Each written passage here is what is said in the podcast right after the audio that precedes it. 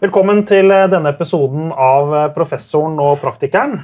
Professoren og praktikeren er en pod og videokast om reklame, kommunikasjon og markedsføring, og består selvfølgelig av meg, professoren Lars Erling Olsen, professor ved Handelshøyskolen BI, og min makker, praktikeren Alf Bendiksen, mangeårig bransjeveteran og partner i NSB Best Marketing Practice.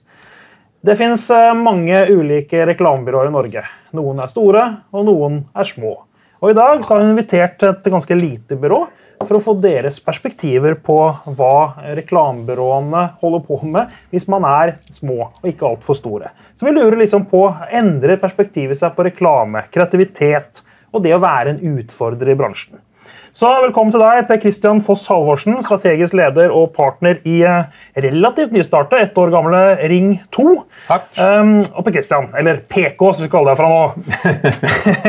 du, er, du, har jo jobbet i både store og små byråer. Hva er liksom den store forskjellen på de store byråene og de små byråene? Altså, den, den, absolutt største forskjellen ligger jo i navnet. Uh, altså antallet mennesker. Mm. Uh, den minste forskjellen ligger kanskje egentlig i hvordan man jobber. Uh, og jeg tror egentlig at For å snu litt på, på spørsmålet, så tror jeg at forskjellen egentlig er relativt uh, liten på en del områder. Mm -hmm. Altså sånn Uansett hva slags byrå du vil jobbe med, da, hvis man ser dette fra en annonsørside f.eks., så er det gjerne noen personer i et byrå man vil jobbe med. Altså Jeg liker å si at Man samarbeider jo ikke med selskaper, man samarbeider med mennesker. Ja. Uh, og om de man samarbeider med, sitter som ett team av 20 team, eller de er der som det teamet de er, eh, det er egentlig ikke så avgjørende. Og jeg tror nok mange kjenner seg igjen i det at du kommer til et stort byrå, så har du en idé om hvem i det byrået du har lyst til å jobbe med. Ja. Men du har jobbet i store byråer òg. Ja. Anti, SMFB osv. Ja, ikke SMFB, men Anti har jeg jobbet i. Ja, jeg som tar feil. Mine kollegaer har jobbet i SMFB. Jeg, jeg vet jo, kan jo ikke noe ja, mennesker i den bransjen, så beklager. Det tilgir deg lett. Det er i hvert fall jobbet i Anti. så jeg, jeg bare stryk det siste jeg sa. Men uh, hvorfor slutta du der, da? Du, øh... Bare ble det for stort? Nei, det var ikke derfor jeg slutta. Uh, kan nesten si det sånn at uh, Alex uh, Sande Gjersjø, Hans Magne Ekre, to gode kollegaer av meg, sammen med Ina Egelandsdal Alex og Hans Magne de valgte å slutte i SMFB. Mm. Vi hadde Der hadde koblingen! Jeg visste det var en kobling! Det var en kobling, skjønner det, det var akkurat i det momentet hvor SMFB ble kjøpt opp, og de skjønte at nå er dette selskapet i ferd med å forandre seg såpass mye at jeg tror vi eller de tenkte nok det, at vi, vi, går herfra. Vi hadde lenge snakket om at vi hadde lyst til å jobbe sammen. Ja. Uh, og da var det egentlig liksom to mulige løsninger på det før. Det var enten så begynner de i Ante, eller så begynner jeg i SMFB. Uh, eh, og så, når de da gikk fra SMFB, så var det litt mer en sånn gammel tanke som dukket om at, opp om at kanskje vi rett og slett skal starte noe sammen mm. i stedet. Og så er det et eller annet med at man Jeg tror veldig mange går også og føler på at man må ha prøvd det. Uh, man må ha startet et byrå og sett om kan man knekke en kode? Kan man lage den arbeidsplassen man har lyst til å jobbe på? Uh, men, er ikke, er ikke det stikkord, det. men er ikke det stikkord med små byråer og så store at i små byråer så er man friheten til å på en måte prøve noe annet? Jo. Mens de store byråene kanskje følger en eller annen internasjonal modell? eller noe sånt nå, eller? Ja, det tror jeg du har helt rett i. at i hvert fall Når det kommer til det å prøve noe annet uh, uten at det må igjennom en komité av folk som skal ta avgjørelser. Altså det at man er veldig lettbent, man kan snu seg raskt. Mm. Uh, får vi en idé om å finne på noe gøy, uh, om en pitch eller et eller annet, så gjør vi jo bare det. Ja. Det er ingen vi behøver å spørre. Uh, det er ingen som Altså, vi, vi, har rett og slett bare en sånn høyere takhøyde for å, å gjøre hva vi vil. Mm. Mm. Men Sett fra kundeståsted, da, har det noe å si om man går til et lite byrå eller stort byrå? eller er det liksom jeg tror det, igjen da, at den forskjellen er mye mindre enn man tror, gitt det at det er folka du samarbeider med. Eh, det er også sånn at en av de, Vi, altså vi startet jo eh, Ring 2 i akkurat altså i, i pandemien. Mm, en bra timing, da. Ja, og, og, den, og den, timingen altså den, den, var ikke så dum. fordi det, det skjedde jo også noe i, i pandemien hvor folk ble sittende hjemme og jobbe. Eh, og du satt og var tilknyttet store selskaper. Og så skjønte du kanskje plutselig eller mange at jøss, jeg kan jo gjøre denne jobben her nesten like godt. Jeg tror ikke like godt. Jeg tror nesten like godt hjemmefra. Mm. I enkelte stillinger like godt. Eh, kanskje særlig de stillingene som ikke i så stor grad krever samspill mellom mennesker, men som er mer liksom, produksjonsretta. Mm. Uh, om du sitter hjemme på et rom og gjør det, eller du sitter i et byrå og gjør det, er ikke så stor forskjell. Nei. Veldig mange har da blitt værende også i de typer stillinger som gjør at vår tilgang på frilansere for å løse oppgaver vi trenger å løse, er enklere. Ja. Så vi er jo ikke så mange ansatte, eh, men vi henter den kompetansen vi trenger, når vi trenger den. Litt mer fleksible. Men sånn øh, øh, Har dere laget en arbeidsplass fordi dere vil ha den sånn, eller har dere en tanke om at det skal bli håper jeg, noe mer? Fordi jeg pleier å si at de som sier vi har bestemt oss for å være små, er fordi de ikke får til noe mer. jeg vet at det ikke er sånn hos dere, fordi dere er seniorfolk alle sammen. Og flinke folk som har sikkert store håper si, porteføljer. Men fordi jeg spør, stiller spørsmål fordi at det, det er kanskje ikke alle som tror at jeg går så ofte til frisøren, men jeg gjør faktisk det en gang iblant. Og da sa han frisøren min at Han har en lett jobb. Ja, han har en lett jobb. Det går fort. Ja, det er sant. det, er, det, er ikke noe, det er ikke noe rocket science. Jeg går ikke så ofte. Men han, eh, det han sa, da, det var det at eh, han syntes det var så deilig å jobbe der han var, fordi han kunne nesten komme og gå som han ville. Han hadde noen kunder, han var fornøyd med det, han kunne la være å komme en dag. Eh, det var hans mål. da. Han ville ikke jobbe fra ni til fem. Nei, og altså, det er klart at Jeg vil jo tro at det fins veldig mange ulike mål ved å ønske å starte for seg selv, og det er jo typisk et av dem. Noen ønsker å gjøre det fordi det er et mål om å trappe ned, f.eks. For, eksempel. for oss er det ikke det i det hele tatt. Eh, Det, det er, sånn sett er det mye mer et mål om å skape en arbeidsplass som, er, eh, som vi kan forme slik vi vil den skal være. Eh, Vi har jo gjennom veldig mange år, i mange store byråer, alle fire som etablerte Ring 2, da, mm. fått masse erfaringer. Og så har vi tenkt at ok, men hvis vi setter sammen våre erfaringer og skrur sammen byrået sånn som vi vil, hvordan blir det? Det er klart, Vi har ikke ambisjoner om å være veldig små for alltid. Vi har heller ikke ambisjoner om en veldig rask vekst. Eh, altså vi er ikke det er litt sånn at Hvis vi hadde vært i dette for å bygge et så stort byrå som mulig og tjene mest mulig penger, da kunne vi like gjerne på en måte starta bank eller noe. Eh, så vi har jo som mål å Da lage kunne vi starta bank. Nei, det er kanskje litt flåsete å si, men, men vi, kunne, vi kunne lage Vi kunne, vi kunne basically lagd noe annet. Ja, jeg skjønner, jeg Eh, altså, skjønner. sant? Vi, vi, vi har jo et mål om å uh, om å lage reklame av veldig høy kvalitet. Mm. Så vi liker også å si at Men da må du ha med deg Terje i banken. i hvert fall, skal ta bank. Men du, dere har sagt, dere har uttalt at dere skal lage et byrå som ikke ligner på de dere har jobbet i før. Eh, Da blir man litt nysgjerrig. Hva er gærent med det dere jobbet med før? da? Liksom, hva, er det, hva er det dere skal gjøre annerledes? liksom? Eh, jeg tror eh, altså, Vi er litt tilbake ved noe av det vi var, eh, som jeg var innom i stad, som handler om sammensetning av team. Eh, det er det teamet du jobber med, de Ja. menneskene du jobber aller tettest med, eh, som har mest å si for din egen, på en måte, både din egen arbeidshverdag og også på hvor, hvor gode løsninger du klarer å komme opp med. Eh, og det at vi eh, jobber tett, tett sammen eh, med den erfaringen vi har, mener vi at gir den høye kvaliteten på arbeidene for kundene våre. Mm. så skal jeg ikke si at altså, det er kjempehøy kvalitet i de byråene vi kommer fra. Så det har ikke noe med det å, å gjøre nødvendigvis, men det er også sånn at uh, da jobber du uh, altså F.eks. meg, da, som hadde ansvar for ganske, flere ganske store merkevarer. Jeg opplevde nok at jeg spredte meg selv ganske tynt etter hvert. Eh, Jeg var innom veldig mange forskjellige arbeidsgrupper og veldig mange forskjellige arbeidsoppgaver i løpet av en dag. Uh, Og det, En ting er at du, du blir eh, relativt på en måte, sliten av det. Nå er ikke det så farlig, men du blir kanskje ikke like flink heller. Uh, Og det er et eller annet med å få lov til å liksom ha fokus. Så det å være liten, ned i noe. ha litt færre kunder, jobbe dypere med de kundene dere har, det er liksom litt av et poeng her. da. Det er en drivkraft, helt klart. Ja. Ja. Men um, Patek Philippe, dette klokkeverket fra Sveits, tror jeg det er, de har jo en, uh, tydeligvis en filosofi om at uh, de skal ikke bli veldig svære. Og de, det er en familiebedrift. De er ikke eid av Rolex eller noen av de svære. Og de, nå så jeg siste annonsen fra dem. Da var det de som jobber på fabrikken, da, fordi det er jo håndarbeid og alt mulig sånt. Og så er jo klokkene så dyre at de går jo til neste generasjon og neste generasjon. Men, men øh, og de opprettholder jo en ekstremt høy kilopris for de klokkene, i motsetning til de som lages på en fabrikk. Tenker dere litt på det òg? For det- marginen i bransjen er jo ganske pressa. At Ja. det, det går an å holde altså, Hvis du sier at øh, sorry, Telenor, men vi har ikke kapasitet til å jobbe med dere. Det ville vært ganske bold å si.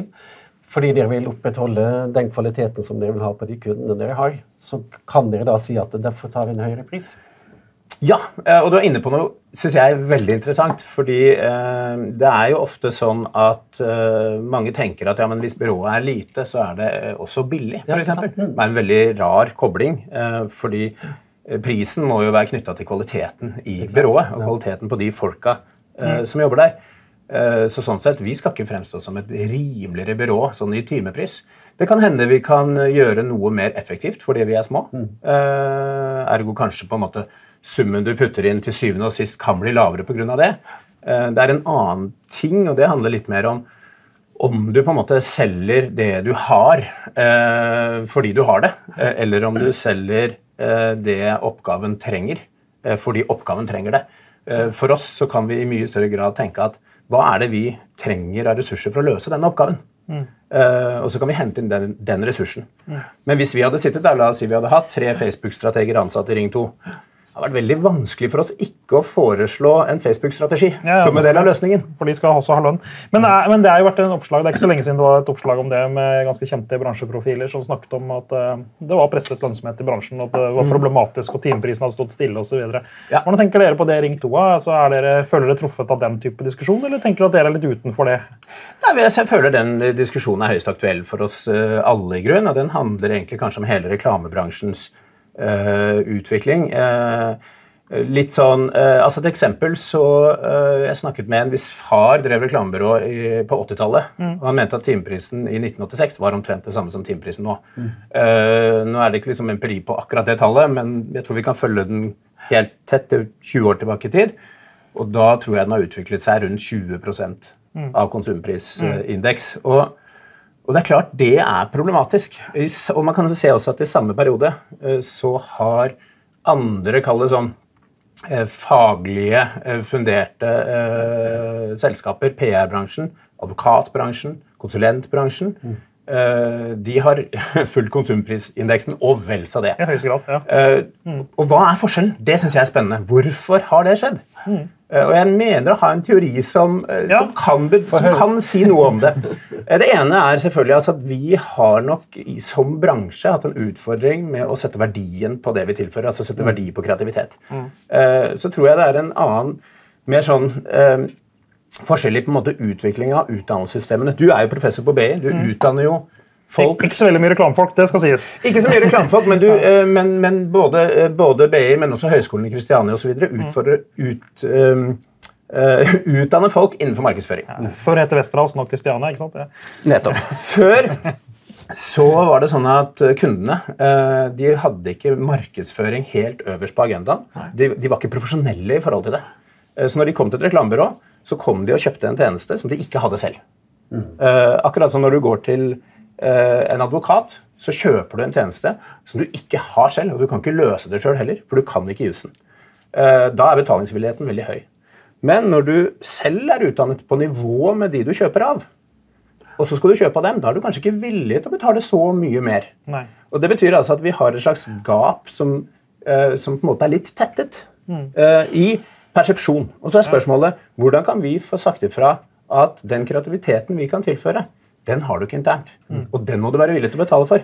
Så det er der forskjellen ligger. Den ligger ikke i utdannelsesnivået lenger. Nei, så Men sier det egentlig at Reklamebransjen har mistet kompetansegap. Det er kompetansegapet har forsvunnet. da, altså Man oppfatter ikke reklamebransjen fra kundeståsted til å ha en kompetanse som er verdt å betale for lenger. da, For å oversette det du sier. Hvis vi skal si det Eh, jeg, sier- jeg veldig sier ikke at det er sånn sant, er det- jeg sier ikke at det er sant Ja, men men det er en er- persepsjon som ligger der. Ja, det er akkurat det. Og det, det tror jeg er, er jeg tror det er veldig det. interessant, fordi jeg tror nok hvis du går 20-30 år tilbake i tid, kanskje, kanskje mer enn 20, men i hvert fall 30 år tilbake i tid, så, Mm. så kjøpte man også en markedssjef i Norge kjøpte også en, en kompetanse, en strategisk kompetanse, en kunnskap. Reklamebransjen kunne dette. Mm. Eh, det spørsmålet er om kundene tenker sånn på det lenger. Jeg tenker at jeg trenger bare, jeg skal få laget en film, jeg. Ja. Eh, og jeg skal ha en idé. Det kan jeg kjøpe, men strategien den kan jeg selv. Nei, jeg, tror, jeg tror det er eh, viktig. Så tror jeg også det er en annen ting der som handler om mer sånn folkelig forståelse av hva reklame er. som er at altså, Alle kan synse på reklame. Eh, Mm. Ja, ja. Så om en reklamefilm eh, så er på en måte min mors mening av like høy verdi som Alf sin mening. Og og det, eh, Der har du egentlig litt det samme sånn eh, at det er et manglende kompetansegap. da. Eller ikke, Det er ikke et manglende kompetansegap, men det er et manglende gap for, den, for forståelsen av hva slags kompetanse Hva skal Men gjøre med dette? Hva skal dere gjøre? Eh, det handler- det, her, her handler det om overlevelse for eh, byråbransjen. Altså, hvis marginene fortsetter å presses ned, og man stadig ikke klarer å få liksom, dekt eh, ja, konsumprisindeksen, da, så vil jo det her til slutt føre til at bransjen forsvinner. Det handler om å synliggjøre verdien av det vi gjør. Eh, og at verdien av det vi gjør altså når, når vi løser en brief, så løser vi den på en bedre måte enn hvis kunden hadde løst briefen sjøl. Har det med kompetanse å gjøre òg, eller? Det har selvfølgelig noe med kompetanse å gjøre, og det har også noe med trening å gjøre. Og der kommer vi inn på egentlig kreativitet igjen. fordi mange tenker jo at kreative folk de, de skal bare finne på noe. Men, eh, men kreativitet er, ligger det jo enormt mye trening bak. Ja, kreativitet er jo én ting, da, men jeg har holdt på med etter- og videreutdanning på markedsføring i, i 25 år. Aldri hatt en fra reklamebransjen på kurs. Ikke én. Nei, det er jo eh, Det er et interessant signal, super- men mediebyråene har hatt mange av gjennom årene. Researchbransjen massevis. Eh, reklamebransjen nei, vi kan det. Men vi er jo inne på, på Interessant. Ja, men, Da tok heldigvis Alf Benningsen ja. ja å svare på det. jo, fordi det, vi, jeg, vi snakker jo om eh, Jeg på å si mange ting på en gang, da. Men Ja. fordi den kreativiteten som er i byråene, er det ingen andre som har. Det, det er i hvert fall det jeg mener. Og det er derfor vi går dit. Og så har byråene etter hvert fått eh, kompetanse på masse andre ting. De bygger ut nye avdelinger eh, i bredden. Bare se på Try og Kitchen og Los og osv. Det, det bygges og bygges og bygges. Anti òg, for så vidt. Men den Vi hadde en pitch for noen år siden, og oppdragsgiver hadde hovedkontoret på Hamar. Ett byrå stilte med åtte stykker fra Oslo. Og vi snakket jo om hvorfor i all verden kom det åtte stykker fra det byrået. fordi fem av dem sa bare to ting. Det var fornavnet og etternavnet sitt. Ja. Utover det så hadde de ganske lite å bidra med. Og Ja. da er vi inne på, og den skal jeg forfølge litt. Spørsmålet er jo de andre i byrået, hva er det de bidrar med utover den kreative kompetansen? Det kan godt hende at den delen av jobben gjør man på kundesida mer og mer. Og der er vi kanskje også litt, Det handler jo også litt om størrelse på byrået igjen. Eh, og, og Der fins det en undersøkelse som jeg så gjengitt i, i kampanje, som egentlig kom fra Resumé, uh, som handler om arbeidsgruppene bak vinnerne i Gullegget, altså ekvivalenten til gullblyanten. Nettopp. Uh, og eh, krediteringen av vinnerne, altså antall som har bidratt inn i en jobb, har økt med 60% på ti år. Mm. så det betyr at det er flere og flere mennesker som står bak den reklamen som lages. Og hvis vi da samtidig stiller spørsmålet er reklame blitt bedre Eh, Det kosta for mer. Ikke hvis du deler på antall personer. I hvert fall så har den ikke blitt Jeg satser på aldri, alle personer får vel noe lønn nå, så det blir for dyrere. i hvert fall, hvis det er mange som. Ja, men, Men, men det er klart at det, det handler jo også om et mediemarked som har endret seg voldsomt. Ja, ja. du, du må ha kompetanse på flere områder, for du skal Åpenbart. i mye flere medier osv. Så, videre, så det er klart noe utvikling der er helt naturlig. Eh, Men det kan nok hende at man har mistet noe av den kreative edgen eh, som kanskje er lettere å få til i en mindre gruppe. Eh, og det er jo litt sånn at Jo større gruppa er, jo i større grad er sjansen for å lande på minste felles multiplum. Eh, som er liksom summen av våre tanker. Er jeg ikke nødvendigvis bedre. ja, for jeg, jeg pleier å bruke følgende bilde på et byrå. Da. Det er som en, og, dette er ikke mer til 100 analogt, men, eller sånn sammenlignbart, men tenk deg at eh, et byrå er som et samlebånd. da. Og Så kommer det en jobb inn på det samlebåndet, og så er det forskjellige hender som tar på den tingen. Og ut i andre enden så går det et vinnerarbeid. Trist bilde, men jeg, Ja, jeg skjønner det. jeg. Ja, ja, Jeg skjønner hva jeg mener. definitivt. Fin måte å tenke kreativitet Jo, på. men de aller fleste som tar på den tingen, har, har, bidrar med ganske lite verdiskaping. Ja. Før du kommer til det kreative. Det er de som skaper verdien. Ja, men der tror jeg du er inne på noe, inne på noe viktig. Og, og kanskje også inne på noe av grunnen til at vi ønsker å være det litt sånn tighte, lite byrået. Hvor vi alle sammen på en måte bidrar til noe som faktisk gjør jobben bedre. For dere vil ikke komme et åtte stykker til Hamar. Det hadde vært vanskelig for oss, faktisk. Jeg måtte vi leid inn noen folk, men. Jeg begynte i byrået i 1990 og uh, satt i konsulentetasjen. som var, eh, ja, Der satt vi på svære kontor. Og jeg hadde et svært kontor, faktisk. Jeg hadde et sofagruppe til og med. Jeg var ganske ung. Var utdanna hos uh, Lars, men det var før han begynte på BU. Omtrent før jeg var født. Ja. Ja, ja, ikke sant? Men um, etter hvert så gikk jeg jo ned i etasjen under. Og da fikk jeg vite hva hvor det, For da sa jo de Det er jo her det skjer, Alf. Ja. Det er ingenting som skjer der oppe. Det er her det lages. Her, her, her lages alt. Det er vi som er strategene. De der oppe bærer papp og skriver fakturaer. Punktum. Så det var jo ikke noe bedre da heller. enn kanskje, Nå sa jeg at i dag så er det veldig dårlig, men, men det, det var litt verdiskaping i den eh, konsulentetasjen også da. Ja, og så, så tror jeg at det er også en sånn uh, altså Det er klart at det ligger mye verdiskaping også i, uh, i en god strategi. Det ligger mye verdiskaping i godt planarbeid, eh, i gode brifer. nok, ja. all den tid du klarer å på en måte overføre noen tanker inn i den kreative prosessen. Eh, og der vil jeg påstå kanskje at man egentlig har blitt litt bedre. Mm. vi har færre av type jobber i dag enn før som er helt på en måte løsrevet fra strategien.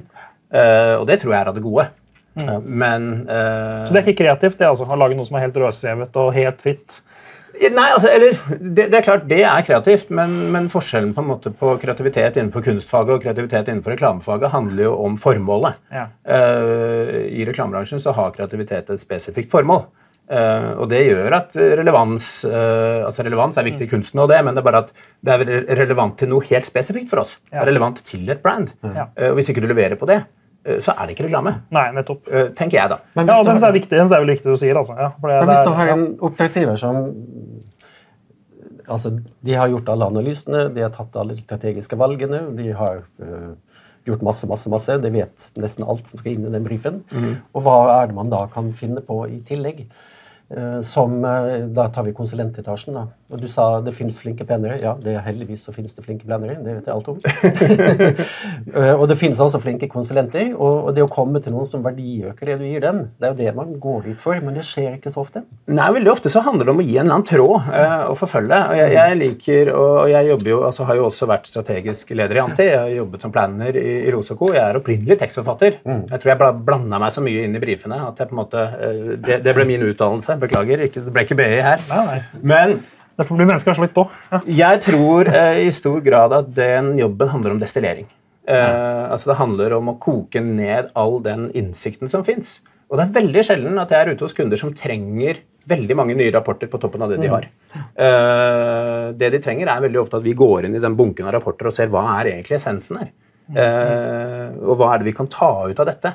Som gir grobunn for noe som kan bli en kreativ kampanje til slutt. Eh, og det å klare å bygge den broen Uh, og Derfor er på mange måter en god planner kanskje en god uh, diplomat. eh, som står på en måte mellom litt to, to typer verdisyn også. Ja. eh, og prøver å, å få målet på den ene siden eh, til å danne grunnlag for liksom, en retning på den andre siden. Men det PK sier nå, er ikke det ganske god definisjon på planning? Jo, planner gjør veldig mye mer, syns nå jeg. Fordi jeg sier jo at altså, Plenneren fasiliterer også prosessen med å utvikle kommunikasjon. Så kommer det en petition meeting med deg og Alex, eh, eller eh, Hans Magne, som jeg ikke kjenner så godt, så jeg skrev opp navnet her.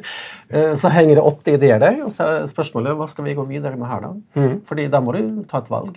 Skal du gå videre med to eller tre eller fem av de, eller én av de, og så har man en tanke om kanskje hva som er best.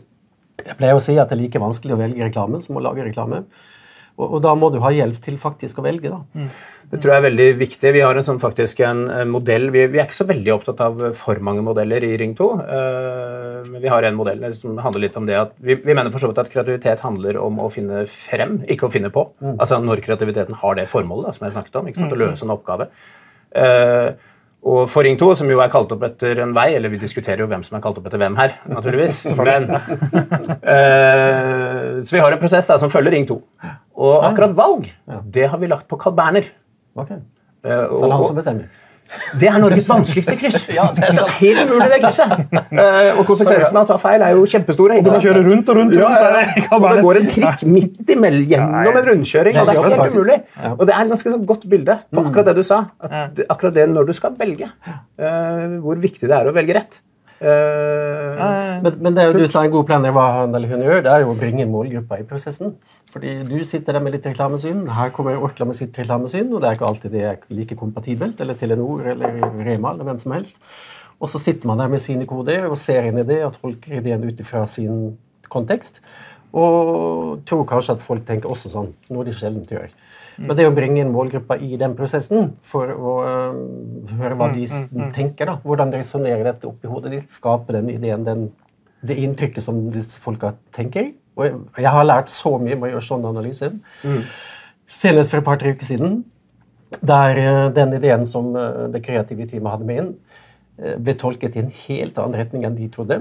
Eh, Og en annen idé som, eh, som eh, kunden hadde fra før, den satte meg kule, for da sa folk at ja, men det er jo supertydelig. Jeg skjønner hva du, nå skjønner jeg hvilket inntrykk du vil at jeg skal få.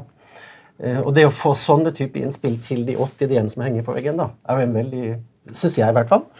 Eh, Det er et veldig godt bidrag til å finne ut hvordan vi skal komme det gjennom Carl Berner. Hvilken vei vi skal ta ut. Ja, jeg, jeg, altså, jeg er veldig for å jobbe veldig tett med målgrupper, og veldig, jobber jo også veldig mål, med målgruppeinnsikt, eh, men også mye tidligere i fasen. Eh, eh, jeg er eh, ofte enig med deg på det med å, å teste eh, på folk. Utfordringen av og til er at hvis du tester ideer som utfordrer det bestandige, eh, så scorer nesten alltid dårlig hos folk. Eh, Fordi folk vil stort sett ha det sånn som det er. Eh, Hvis du tester f.eks. logoendring, da, bare for å ta en ting, eh, og spør eh, kundene til et selskap om de vil endre logoen, eller vil dere ha denne logoen som er sånn som den er, eller vil dere ha denne som er ny og annerledes, da velger de i 99% av tilfellene gamle trygge. Du må jo aldri spørre målgruppa hvilken logo du skal lage. Nei, ikke sant? Så, så det er sånn bare spørsmål om hvordan spør man. Ja, Eh, Men du kan spørre denne nye logoen. Hva er det du tenker når du ser den? Hva Det føler du om det? Og så kan du se om det er noe grobunn. da. Så kan man se. Men så det handler bare om at det må gjøres veldig nennsomt, det med å teste ideer spesielt. Ja, ja, ja. Fordi du har heller ikke ekservert Altså, du har ikke lagd ideen ferdig når nei. den Nei, nei, nei. testes. Absolutt.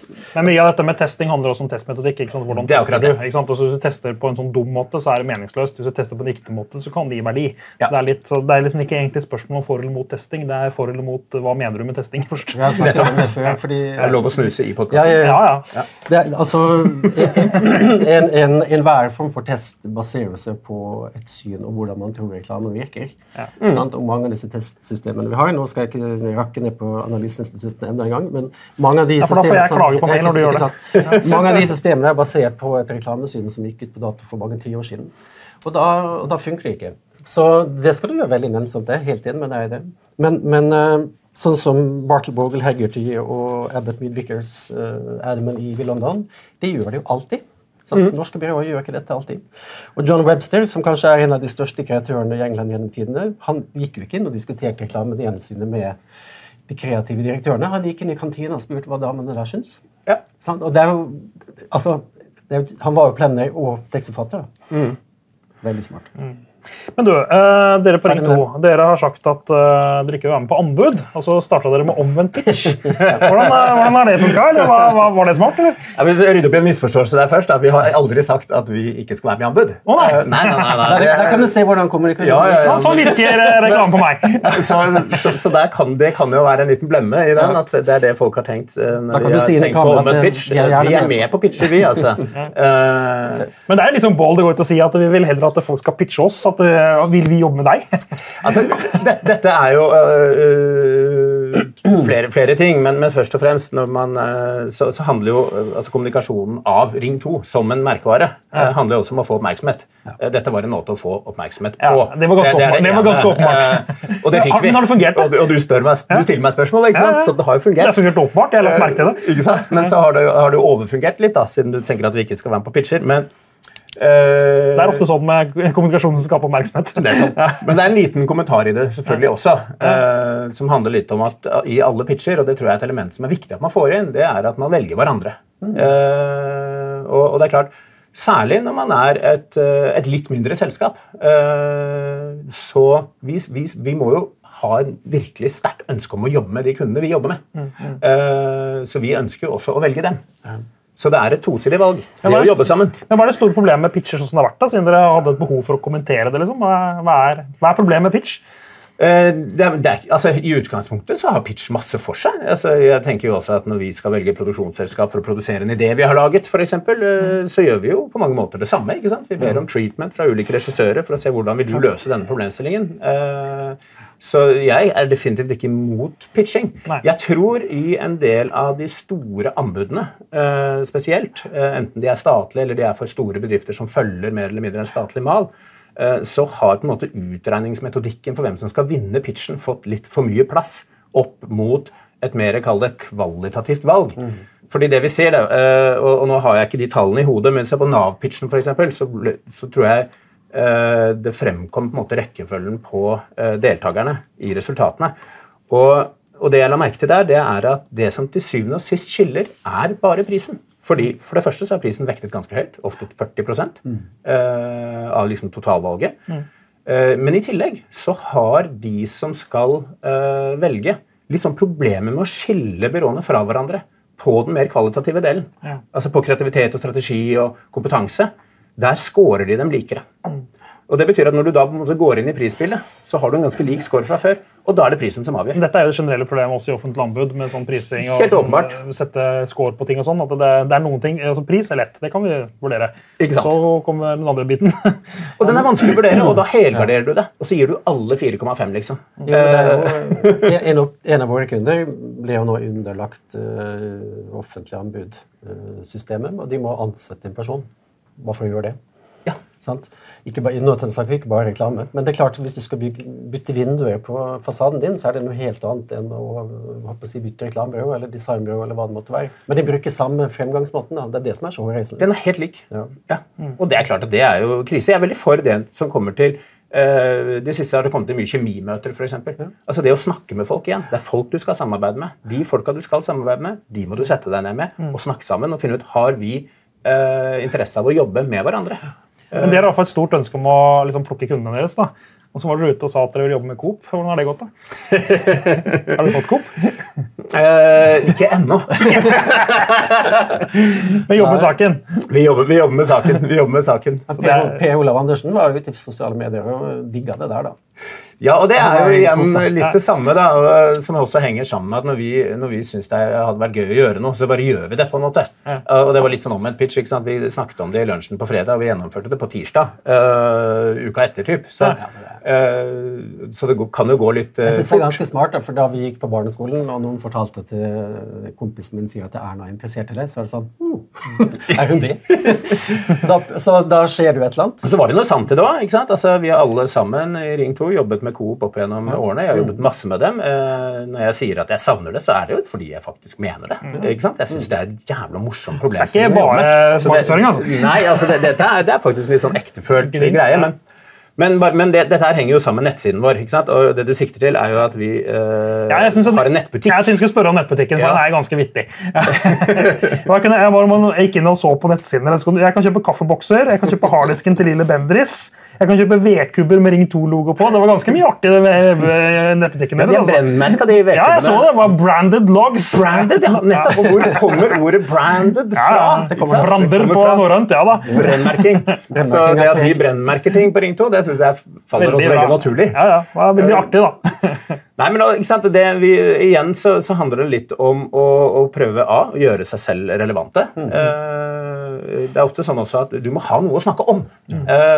og dette gir oss noe å snakke om. Det er det ene. men eh, veldig mye nettsider der ute. Hvis dere går på reklamebyråenes nettsider, eh, så er de eh, Ofte har det for øvrig tatt fryktelig lang tid å få laget dem.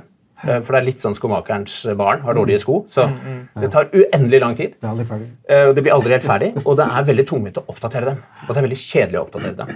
Eh, og så Hvis man går inn, så ser man at det ligger jobber som er to år gamle og tre år gamle. Og sånn. Eh, og det er så vidt sånn de siste fire ansatte er ikke på nettsida ennå. og sånn. For oss, vi hadde lyst til å lage en nettside som lever. Og som vi syns det er gøy å oppdatere. Så hvis vi ser noe morsomt som vi tenker ja, da selger vi det i nettbutikken. Eh, og så gjør vi det. Men, men det du sa om Men selger dere, er det fysisk? Hvis jeg en, kan jeg kjøpe Lille Bendriss harddisk? Du kan kjøpe, altså, Det er et handlekurve. Alt. Det er betalingsløsning. Alt ligger klart. Fantastisk, altså. Ja, vi har solgt Jeg lurte på denne boka dere hadde også, med Børre Werner, om jeg skulle kjøpt den. Den kan du kjøpe. Den er på tilbud, tror jeg. Ja, den var på tilbud. Ja, ja, ja. Så Funnet på loppemarkedet nær meg.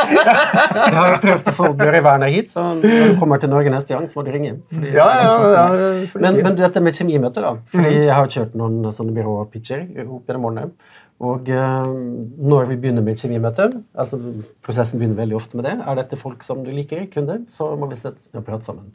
Når byråene da spør hva er det vi skal snakke om i det første møtet, da, så sier jeg vi skal snakke om dere. Skryte av dere, dere må skryte av dere selv. Herre, hvordan, hvordan skal vi gjøre det, liksom? Og det er litt sånn, jeg syns det ofte er litt rart at jeg synes det er litt sånn, det er litt vanskelig. Ja, altså, Jeg elsker å, å, å snakke om Ring 2, jeg, men, jeg men jeg ønsker jo også å høre mye om hvor er det på en måte skoen trykker hos kunden. Ja, ja. Så Det er klart, det der er jo, det er jo naturligvis helt ekstremt eh, viktig. eh, at man kommer ut av det kjemimøtet med ny kunnskap. Mm. Eh, både vi og kunden. Eh, Men det, på meg så virker det som om å legge opp et sånt møte, det er man ikke så veldig trent i. Nei, altså Der kan ikke jeg svare på vegne av alle. Jeg, jeg elsker kjemimøter. egentlig. Jeg synes det er, altså Egentlig er jo alle møter kjemimøter. Basically.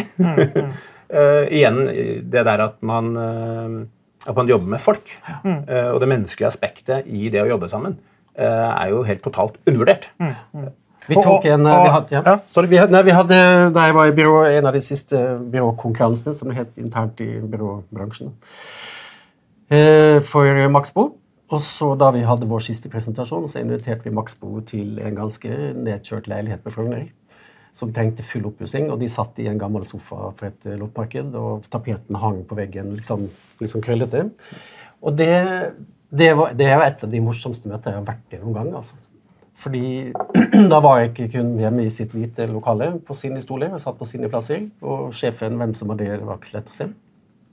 Men uh, det ble en atmosfære i det møtet som jeg aldri har opplevd før. Da. Men vi gjorde, vi gjorde det bare én gang. Jeg har ikke hørt så veldig mange andre byråer gjøre noe tilsvarende. Men når du går helt ut av boksen og overrasker på den måten, da, så skjer det et eller annet, også med kjemi. da. Ja, og Det der tror jeg er eh, at man er inne på noe litt spennende også, som handler om, eh, litt om arbeidshverdagen. eh, Og kanskje som også litt henger sammen med det vi snakket om når det gjelder timepriser. Henger sammen med lønnsomhet. Ja. Det er Har man råd til å gjøre sånne ting lenger? Har man tid til den form for på en måte, kreative overskuddet mm. i flere deler av prosessen enn i liksom, det endelige arbeidet som skal ut der? Mm. Jeg ønsker jo sånne ting veldig velkomment. Eh, Men skal man ha tid til det, eh, så må man også ha en ålreit lønnsomhet i bunn.